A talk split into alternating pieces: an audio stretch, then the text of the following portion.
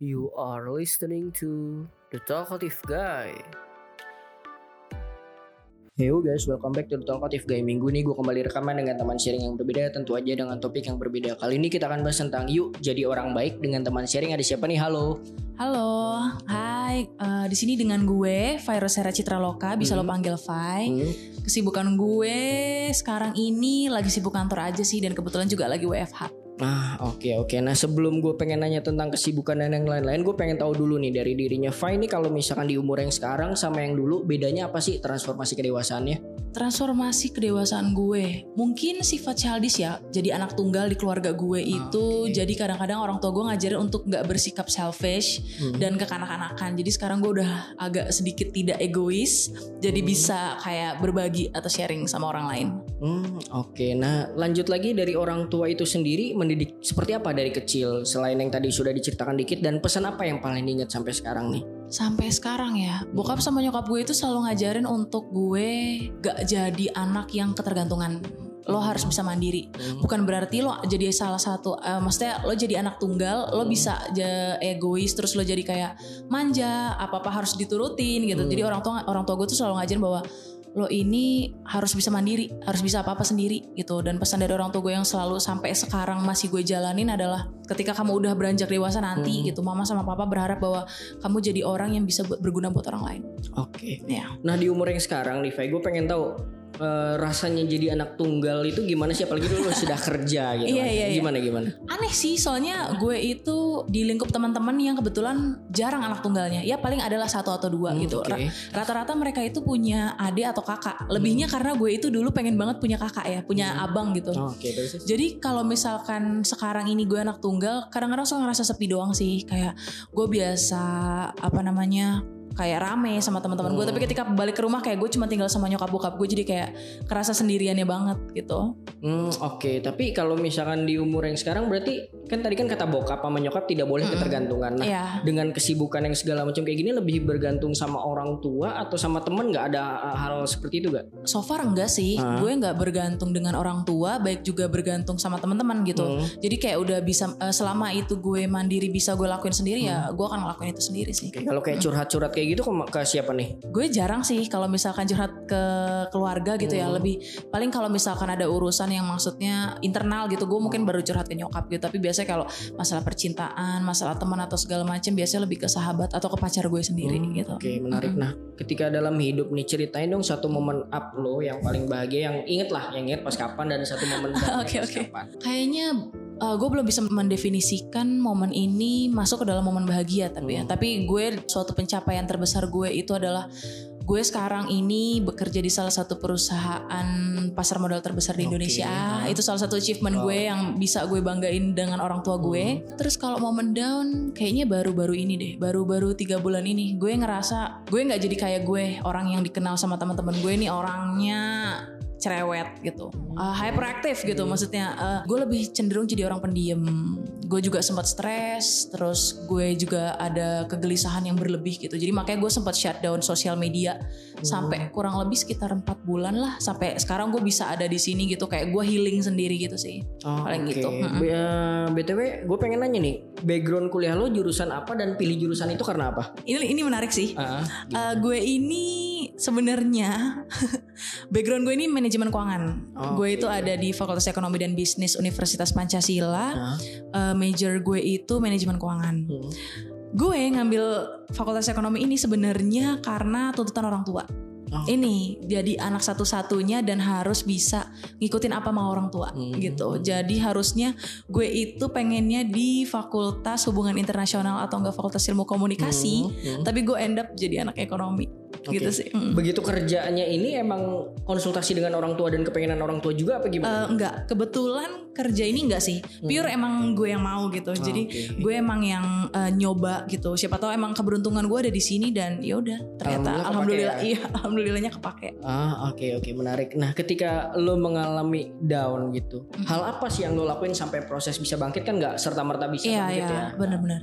Kalau misalkan down ya, Hmm. yang gue jalanin healing sih lebih pentingnya. Hmm. Lo tuh nggak bisa. Lo di sosial media ini lo mau nyingkirin semuanya gitu kayak ini gue nggak mau lihat yang ini gue nggak mau lihat yang ini itu kan nggak bisa kan jadi nggak bisa lo pilah-pilah sendiri gitu jadi gue lebih memilih bahwa oh kayaknya gue mundur sebentar deh dari sosial media karena toksik banget nih kayaknya buat gue Hmm. dan gue lebih memilih untuk ya udah gue pergi ke Curug gitu ke daerah Ah, Sentul gitu gue Oke. gue jalan-jalan gitu gue mikir gue kayak kayaknya gue harus refreshing nih gue nggak bisa kayak gini terus Hmm. gitu dan other than that gue ada hobi yang baca buku jadi gue kayak beli buku terus gue ngabisin waktu gue buat baca buku sih Oh. kayak gitu Oke, berarti emang lebih kepada ke diri sendiri dulu Yes, ya, nggak betul. melibatkan orang lain Mm. seperti kayak tadi Iya, ya. ah, ah, betul. Soalnya masalahnya nih, kalau Hmm. kayak gitu, ya lo balik ke diri sendiri. Salah satu quote yang gue suka yang sampai sekarang ini masih gue tanamin adalah kebahagiaan lo sendiri itu bukan tanggung jawab orang lain. Hmm. Jadi kebahagiaan lo itu adalah tanggung jawab diri lo sendiri. Jadi ketika lo berekspektasi sama orang lain bisa ngebahagiain lo ya itu salah lo. Karena lo berekspektasi sama mereka. Padahal sebenarnya mah kalau emang lo pengen bahagia dan lo pengen seneng ya lo cuma lo sendiri yang bisa Benar. dan yang ngerti gitu. Itu salah satu bukti kedewasaan kita Yes, sebenarnya kan. Dan balik lagi buat pendengar kita adalah tiap orang proses dewasanya beda-beda nih. Iya. Jadi jangan dipaksakan harus sekarang seperti itu yang Iya, mungkin nggak betul, bisa. betul. gitu kan. Oke. Nah di umur yang sekarang lo ngalamin insecure soal apa sih boy? Sebenarnya banyak sih, tapi salah satu insecure gue itu adalah orang-orang yang seumuran gue tapi udah bisa S2 sampai S3 Oh, di luar tuh? negeri gitu. Gimana tuh? Jadi Pendidikan seperti apa? Yes, apa tuh? education Ah. gitu. Gak tahu ya, tapi gue ngerasa kayak oh mungkin orang-orang ada yang beda-beda ya mereka Hmm. insecure-nya gitu. Ada yang insecure karena apa teman-temannya ada yang bisa keluar negeri atau Hmm. somehow sa- apa kayak jalan-jalan sama keluarganya gitu keliling dunia gitu. Oke. Tapi insecure gue adalah kok bisa ya ada orang seumuran gue gitu. Kebetulan sekarang kan gue 23 tahun ya. Hmm. 23 tahun tapi dia nih udah nyelesain S2 di London dan sekarang lagi ngambil S3 juga di luar negeri. Jadi gue kayak gimana caranya gue juga harus bisa gitu loh. Cuman kayaknya susah ya kalau buat gue kayak itu jadi masih kayak masih dalam tahap gue sih buat belajar hal-hal kayak Hmm, gitu. Oh jadi lo ngejar ke pendidikan juga? Mm-mm, bener-bener bener. Iya. Bahkan kalau kita ngelihat ke atas terus bahkan kemarin gue baru nemu bahwa ada seorang dokter termuda di Mm-mm. Indonesia usia 24 tahun sudah Ah, jadi kan? dokter. Nah, that's Eh why. dokter bukan dokter, Iya, dokter. that's gitu. why. Makanya kayak menurut gue kayak, oh keren banget ya gitu. Tapi gue mikirnya kayak di satu sisi gue harus Hmm. bersyukur dengan apa yang gue punya gitu loh. Karena kan kalau gue Hmm. ngeliat ke atas mulu, gue kesannya kayaknya, oh kok lo nggak bersyukur banget sih gitu. Jadi sekarang gue lagi belajar bersyukur. Jadi gue kayak, gue akan ada di saat itu. Gue akan tiba di titik itu, tapi bertahap gitu. Oke, jadi harus seimbang ya, Mm-mm. mikirin yang atas sama yang bawah juga. ya. Iya betul Oke. betul betul. Nah, eh, kita udah masuk pandemi ini kurang lebih setahun lah di Indonesia Mm-mm. gitu. Selama pandemi apa sih yang berubah dari kegiatan atau dari dalam diri lo sendiri? pandemi ini ngubah pola kehidupan gue sih Hmm. so far ya kan kita biasa ke kantor apa segala macem jadi kayak bener-bener total di rumah doang gitu jadi kalau misalkan dibilang ya pola hidup gue jadi berubah gitu yang biasanya gue nggak pernah olahraga tapi karena gue nggak mau kena Hmm. sama virus ini dan memaksa gue untuk olahraga meski cuman kayak lari pagi doang atau Hmm. gue push up gitu di rumah gitu yang penting gue ngelakuin suatu hal kegiatan olahraga yang badan gue tetap bekerja gitu loh biar gue bisa nggak kena virus ini Hmm. gitu Oke, dari dalam pola pikir seperti apa kalau berubahnya? pola pikir jadi apa apa tuh semua dilakuin di rumah kan sedangkan Ah, gue nih anaknya kadang-kadang suka mau main ke rumah gitu kan Hmm. ada sometimes pola pikir gue yang berpikir kayak oh gue mau egois. Ah gitu. Eh, lagian juga orang-orang gak ada yang tahu nih eh, gue pergi keluar atau Hmm, apa gitu kan. terus gue oke. tapi dibalik lagi gue mikir kayak oh no that's selfish. Gitu. Hmm. lo lagi belajar untuk nggak egois. Jadi lo harus harus ubah pola pikir lo bahwa lo bisa ngelakuin hal eh, senang-senang yang lain tapi di rumah aja. Gitu. Hmm. jadi kayak lo cari kesibukan yang lain. Either you can binge watching Netflix Hmm. atau lo dengerin lagu-lagu favorit lo lo search another music gitu. Hmm. jadi kadang-kadang pandemi kayak gini nih bener-bener nge- ngeubah gue banget gitu. Yang biasanya Iya. gue kadang-kadang eh, sama teman-teman gue, eh ayo yuk main yuk gitu. Jadi sekarang kayak eh di rumah aja gitu. Kita ketemunya via Zoom aja atau enggak eh, Microsoft Teams gitu. Hmm, Oke, berarti lebih membatasi diri ya. Yes. Dan lebih kepada survival kali Iya, ya. Kayak survival. orang Iya, iya, kayak bener-bener. misalkan kerja mungkin stres karena kerjanya jadi tadi olahraga segala Mm-mm. macam kayak gitu-gitu. ya. Mm-mm. Karena jujur pandemi ini banyak mengubah gue banget sih. Kalau misalnya dari gue pribadi coba? terlepas dari kayak misalkan bokap gue meninggal gitu Oh kan. Tapi iya. tahun lalu tuh bener-bener gue sendiri yang ngerasain adalah gue insecure. Maksudnya overthink akan kematian. Oh yes. Gue takut meninggal. We gitu. all do. gue lebih takut banget karena emang pertama kemarin itu ada om gue yang dokter di luar. Uh-uh. Emang dokter khusus nanganin covid Mm-mm, meninggal. Oh my god. Sebelumnya your emang kayak misalnya gue kan termasuk pencinta basket lah ya, Iya, Kobe. Bryant meninggal. Mm-mm. Jadi banyak hidup kayak Glenn Fredly meninggal. Yes. Itu circle yang makin deket, wah gue bener-bener sampai nggak bisa tidur Iya, iya. gue ngalamin seperti itu cuman ya balik-balik lagi ya mungkin hanya doa dan keluarga yang bisa ngebantu Yes, kita kan betul, betul. dan diri kita sendiri selain diri kita sendiri itu Iya. sih jadi kayak 2020 tuh chaos banget sih tapi benar emang dan gue berharap tahun ini lebih baik tapi Yes. ya so far ini banyak bencana ya baru Iya, Januari iya. tapi kita baru mulai udah dikasih trial lagi itu gitu. makanya kita harus banyak-banyak berserah dan berusaha mungkin Yes, ya betul. sebisa kita lah ya. Mm-mm. Oke. Nah, dengan lo cerita jadi orang yang termasuk perfeksionis gitu. Lo suka ngerasa terbebani dengan diri lo sendiri gak sih, Boy? Iya, ini adalah salah satu hal yang lagi gue ubah gitu. Hmm, Jadi sebenarnya being a perfectionist itu nggak selalu bagus gitu. Iya. Gue perfectionist ini kayak dulu zaman waktu gue himpunan, kebetulan Mhm. gue ikut himpunan gitu. Mhm. Gue kadang selalu berekspektasi tinggi gitu. Kita Oke. bisa dapat sponsor banyak, kita bisa mengerjakan hal ini satu dua tiga segala macam selesai Mhm. tepat waktu gitu. Tapi ternyata berubah gitu. Semuanya berubah sesu- eh, tidak sesuai dengan ekspektasi gue. Dan gue sebagai orang perfeksionis itu jadi kayak, oh kok gue males sih ngerjain Hmm. project ini gara-gara nggak sesuai ekspektasi gue gitu. Hmm. Dan gue tuh udah berapa kali terima kritik saran juga baik dari senior gue, dari orang tua gue gitu dikasih tau bahwa being perfectionist is okay gitu. Tapi kalau kamu terlalu perfectionist banget deh, it's not good. Nanti Hmm. kamu nggak fokus mengerjakan sesuatu. Kamu mikirnya kayak ah lebih baik terlambat tapi perfect daripada nggak perfect tapi cepet gitu. Karena kan ada yang ker- apalagi di bidang pekerjaan gue ini sebagai seorang sekretaris divisi Hmm. gitu di bidang keuangan kan otomatis lo harus mengerjakan pekerjaan itu cepat ya kan karena kan dokumen-dokumen yang masuk gitu loh segala macam halnya ini harus lo lakuin dengan cepat gitu loh kalau misalkan lo perfeksionis dan lo mikir kayak adalah satu dokumen gitu terus lo tunggu Hmm. ini lo lo kayak ngulang terus nih ada yang ada yang kurang nggak ya ada yang kurang nggak ya kan jadi bisa satu dokumen yang tadinya cuma lima menit lo kerja 15 menit Iya. Ya kan jadi nggak bagus kan Hmm. jadinya kalau kayak gitu Oke. Nah, dengan kayak lo misalkan kayak ngerasa nggak enakan sama orang gitu. Mm-mm. Lo pernah ngerasa dirugiin gak sampai mengorbankan pikiran atau perasaan lo kayak gitu? kayaknya iya deh Gimana Iya. tuh? Dalam hal seperti apa sih yang bisa diceritain aja nih? mungkin buat teman-teman yang lagi dengerin podcast ini ya, gue akan sangat menyarankan untuk berhenti untuk nggak enakan sama orang karena ini akan jadi bumerang buat diri lo sendiri. Cepat atau lambat ya? Yes, betul. Eh, gue ini orangnya gampang gak enakan sama, sama orang kayak, misalkan gue dimintain tolong Hmm. nih gitu ya kan. Sebenarnya mereka ini bisa ngerjain hal tersebut gitu loh. Oke. Tapi apa namanya mereka minta tolong sama gue karena mereka berpikir kayak, Fa ini kalau ng- ngelakuin ini bisa jadi lebih bagus gitu. Gue kayak oke gitu. Tapi ternyata orang ini Hmm. minta tolong juga sama orang lain Hmm. gitu loh. Jadi dia minta tolong sama gue juga minta tolong sama orang lain. Jadi dia tuh kayak mau nge-compare gitu loh. Oh gitu. Sedangkan gue udah naro istilahnya semuanya lah Hmm. untuk project ini gitu Iya. loh. Ternyata masih di-compare sama yang lain gitu. Teman-teman gue bilang kayak yaudah kalau misalkan ini mah lo nggak usah terlalu totalitas banget gitu loh. Lo Hmm. kerjain ini project gitu. Ya seadanya lah Fai sebisa lo gitu maksudnya. Eh ternyata bener aja gitu. Hmm. Project kerja gue ini di-compare sama orang lain ya dia ngambil project orang lain gitu. Oh, Sedangkan gue nya udah nggak enakan kayak gue bikin project ini totalitas banget karena gue nggak enak sama dia minta tolong sama gue. Bener-bener kalau ngomongin masalah waktu juga Mm-mm. waktu lo jadi terbuang. Yes kan? betul gitu. Jadi gue langsung belajar sama diri gue sendiri bahwa kayak gue harus stop kayak gini deh. Gue nggak bisa nih kalau kayak gini terus karena gue totalitas orang lain pun belum tentu akan menghargai gue juga kayak gue menghargai mereka gitu. Hmm, Oke oke. Karena gue juga termasuk orang yang gak enak kan. Jadi kayak gue belajar dari oh pendapat lo oke kayak gini dan gue baru tahu ada cerita orang kayak gitu. Maksudnya Iya, enak ada. banget ya tinggal nge-compare Iya. usaha orang Bener-bener. gitu ya. Oh, Oke oke. Nah ini ketika lo udah kerja sekarang bisa Mm-mm. ngasilin duit. Ada momen-momen seperti apa sih yang kehilangan gitu karena lo kerja dan sibuk? Kesibukan gue itu menyita waktu gue eh, sama keluarga dan teman-teman sih. Lebihnya ke teman-teman dekat gitu karena Hmm. gue sekarang sibuk kerja tuh dari Senin sampai Jumat. Terus gue weekend ini kadang-kadang Sabtunya gue pakai buat pergi sama cowok gue gitu. Oke. Terus minggunya sometimes ada ada acara keluarga gitu atau pergi sama teman-teman. Jadi kayak gue nggak bisa spending time yang kayak sering-sering banget gitu sama mereka. Jadi kayak quality time kadang-kadang sama sahabat-sahabat gue gitu. Jadi agak berkurang sih. Hmm, Oke oke. Balik lagi ke time management ya. Yes, ya. Nah, betul. Ada yang mau lo sampein gak nih buat pendengar kita yang masih semester-semester akhir kuliah dan mau kerja gitu kan lo kan udah ngalamin kerja juga Iya, iya. udah lulus kuliah gimana nih ada mau sampein gak apa aja Um, bebas Buat teman-teman yang sekarang lagi ada di semester akhir kuliah ini, gue pernah ada di posisi kalian ketika gue rasanya kayak, oh kayaknya gue sampai di sini aja kali ya. Hmm. Gue nggak mau ngelanjutin skripsi gue deh, maunya nanti Hmm. semester depan aja gitu karena Hmm.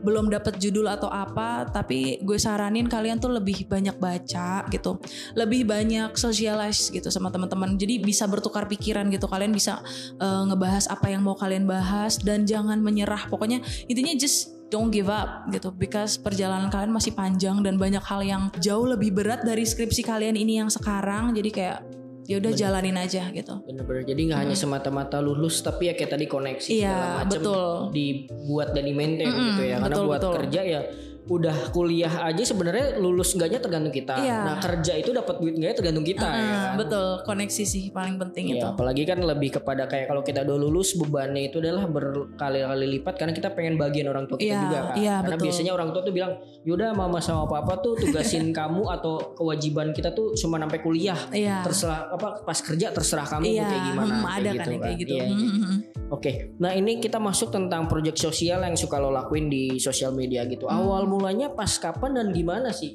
Kalau misalnya lo masih inget nih. project orang baik ini ya itu balik ke gue yang Hmm. kalau dibilang uh, rasa simpati gue buat orang itu gede banget lah kalau misalkan Oke. gue bisa bilang gitu. Gue melakukan project orang baik ini karena waktu itu ini ini gue masih inget banget ya maksudnya karena itu salah satu hal yang memicu gue untuk ngebantu gitu. Oke, pas kapan tuh? Itu kalau nggak salah gue baru lulus. Gue itu mau pergi pergi sama nyokap bokap gue ke Tangerang gitu. Hmm. Itu kan gue ke lampu merah Pancoran ya kan waktu itu Oke. gue lewat lampu merah pancoran ada lah kakek-kakek gitu Hmm. Kakek-kakek dia tuh jual ya perintilan lah kayak gunting kuku kayak lem ini segala Hmm. macam gitu loh. Gue ngelihat bahwa usia beliau yang beliau itu seharusnya sudah istirahat di rumah gitu. Tapi beliau ini masih cari pundi-pundi uang buat bener-bener nge-support gitu kan. Akhirnya gue mikir kayak oh coba deh gue beli satu gitu. Terus gue kepo gitu. Gue gue sepanjang jalan itu dari Pancoran sampai Tangerang gue tuh kepikiran kayaknya ini gue harus tanya deh backgroundnya. Kayaknya gue harus ngobrol-ngobrol banyak deh gitu. Hmm. kebetulan beliau ini udah almarhum gitu. Oh, oke. gue sempat dikabarin sama salah satu pengamen yang ada di lampu merah Pancoran ini Eh, namanya Pak Edi. Terus gue itu eh, besoknya ini gue minta ditemenin sepupu gue untuk cari Pak Edi. Maksudnya mau tanya lah background beliau pas segala Hmm. macem gitu ya udah gitu. Gue diceritain hampir semuanya lah bagaimana dia berjuang bagaimana dia eh, sampai di titik sekarang ini gitu loh. Dia tuh tinggal bareng sama teman-temannya yang ngerantau gitu. Jadi dia ini salah satu korban yang dijanjiin untuk dapat pekerjaan di ibu kota tapi ketika dia sampai di ibu Oh. kota dia didiemin. Dia nggak tahu harus ngehubungin siapa. Hmm. orang daerah datang ke kota apalagi ada yang kan nggak semuanya punya teknologi. Bener. ya kan? Gitu. Gue ngerasa kayak ada ya maksudnya di dunia ini orang mau gitu loh jahat sama beliau gitu. Jadinya beliau ini umurnya sekitar waktu gue temuin itu umurnya kalau nggak salah 70 apa 71 gitu. Udah sepuh Oke. banget. Gue ngeliat beliau kayak gue ngeliat almarhum kakek gue gitu. Jadi gue kayak nanya gitu beliau eh, istrinya juga udah meninggal terus anaknya pada ngerantau masing-masing gitu loh. Hmm. jadi gue ngerasa kayak kalau gue bisa ngebantu orang-orang kayak beliau gini gue pengen gitu. Makanya sebenarnya cita-cita gue ini adalah gue pengen banget kaya buat gue bisa ngebangun yayasan buat mereka. Jadi Amin. mereka ini maksudnya nggak terlantar lah gitu.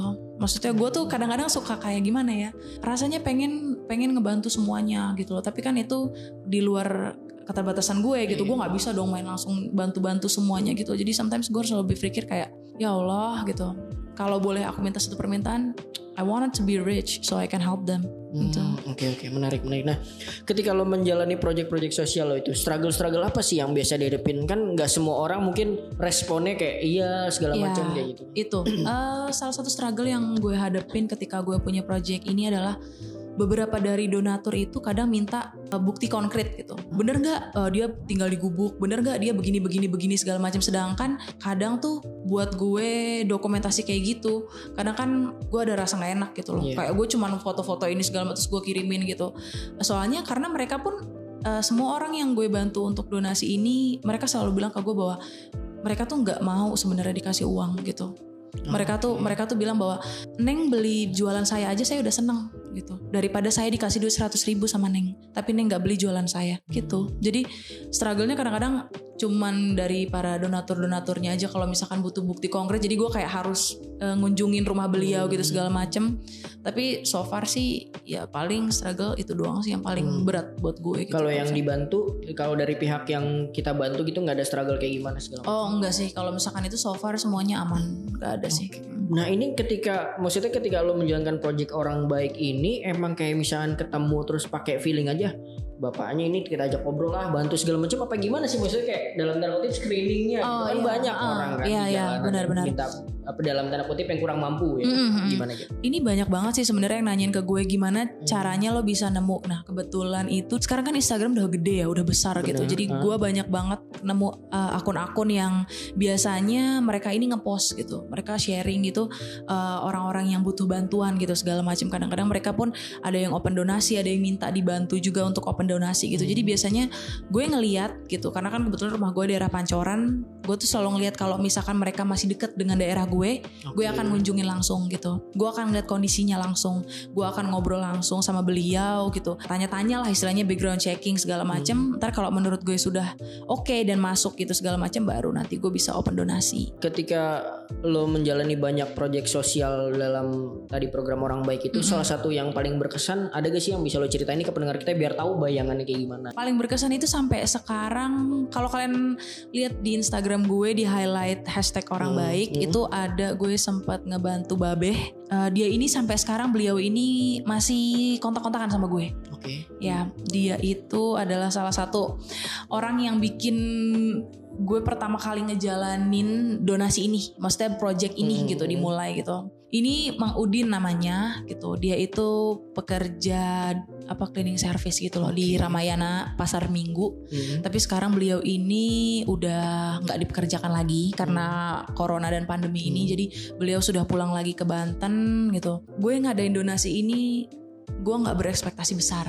Gue gue berekspektasi bahwa eh, oke lah teman-teman yang mau bantu silahkan gitu. Tapi gue nggak berekspektasi bahwa donasi ini harus gue patokin nyampe 20 juta atau Oke. 15 juta gitu. Ternyata tanpa ekspektasi gue ini lebih gitu. Maksudnya kita tuh eh, menyentuh angka di angka hampir 6 juta 500 lah gitu. Terus gue sempat kayak kaget gitu dong ya ampun. Ternyata orang Indonesia tuh nggak krisis orang baik gitu.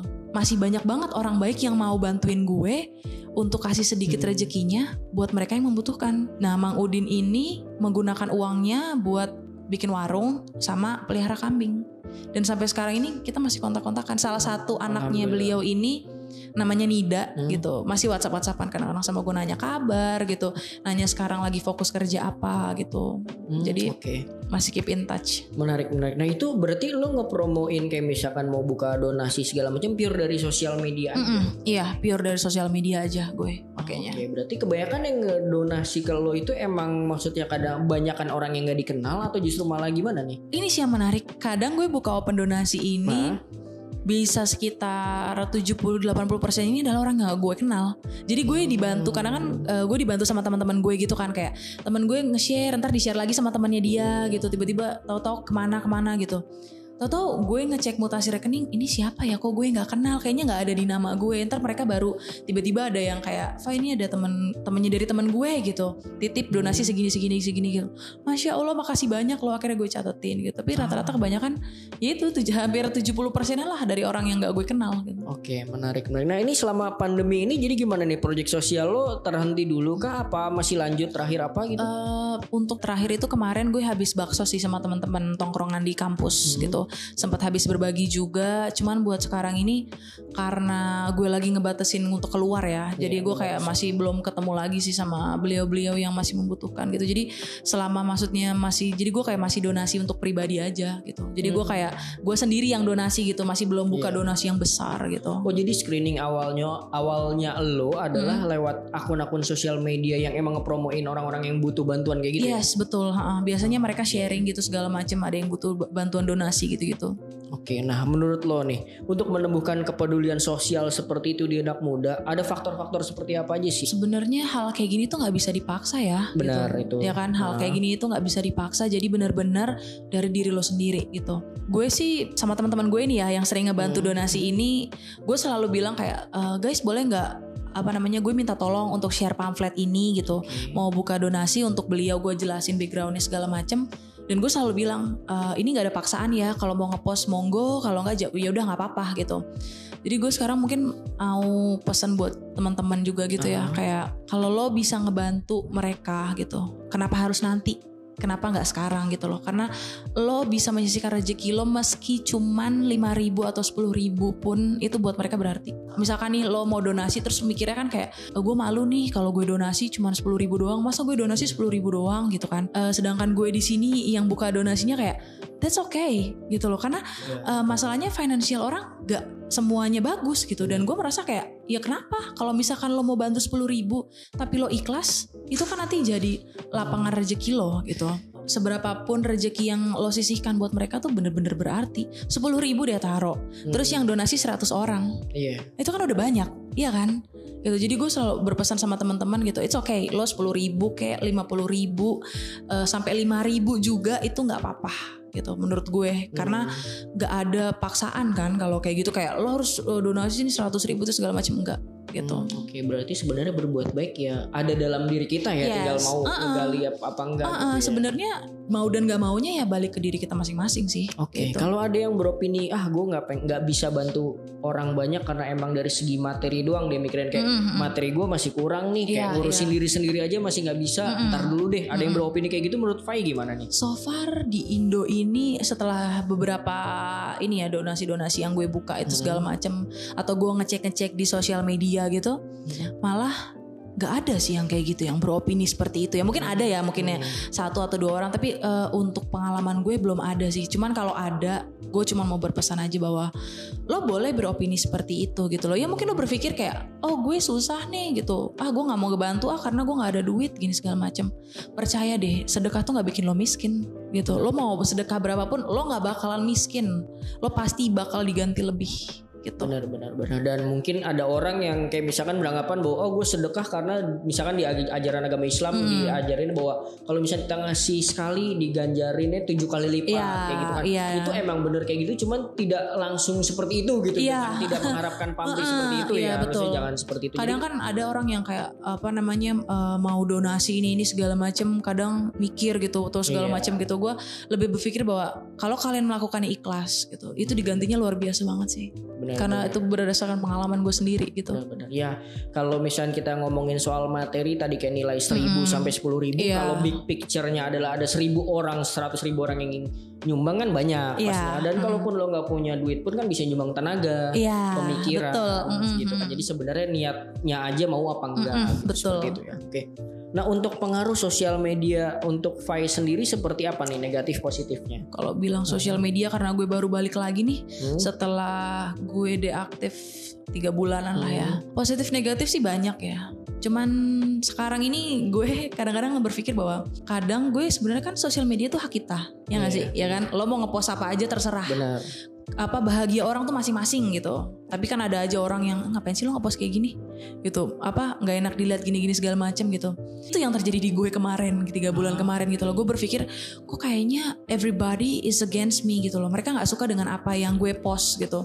Karena kebetulan gue emang kadang-kadang suka spam spam post Hmm. gitulah kan. Terus gue langsung berpikir kayak ini kayak bukan gue nih gue healing dulu deh cabut dari sosial media toksik banget gitu ngerasanya ngerasanya kok kayaknya oh, apa namanya sebenarnya mah orang itu nggak ngomongin gue Oke. tapi karena gue berpikir apa maksudnya jadi negatif banget loh ke diri gue sendiri jadi gue ngerasanya kayak itu orang ngomongin gue padahal mah enggak Overthinking ya? overthinking yes gue jadi kayak wah ini overthinking gue kayaknya chaos banget nih Hmm. nih orang nggak ngomongin gue kok gue berpikir kalau misalkan gue diomongin gitu Oke. Terus akhirnya gue berpikir kayak, ayo udah setelah gue healing kemarin tiga bulan balik lagi ya udah.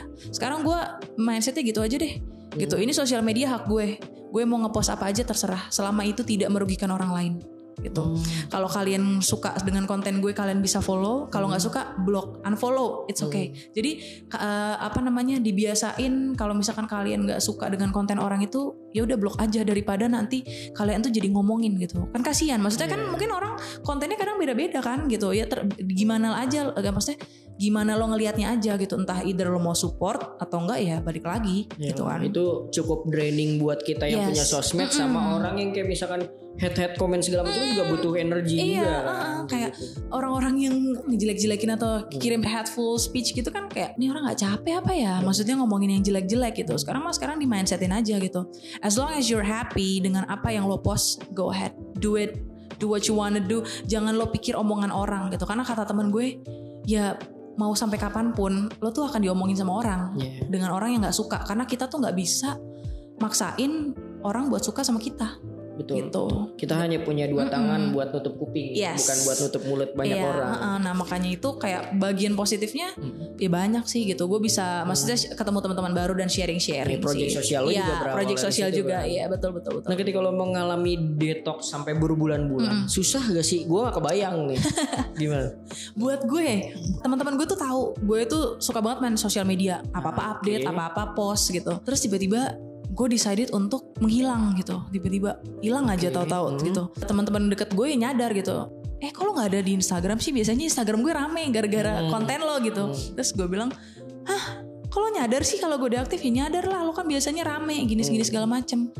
Gue tuh rasa tangan gatel banget pengen ngepost tuh ada. Hmm. Sumpah, gue sampai kayak ya ampun ini gimana? Gimana gue mau healing kalau kerjaan gue gue tuh harus ngedelete ini kan aplikasi Instagram Oh, gitu. Iya, gue sampai ngedelete Instagram, gue sampai ngedelete Twitter. Hah? Tapi itu kadang-kadang kayak kalau lagi ngeliatin cowok gue buka Instagram tuh Hmm. gue kayak gatel.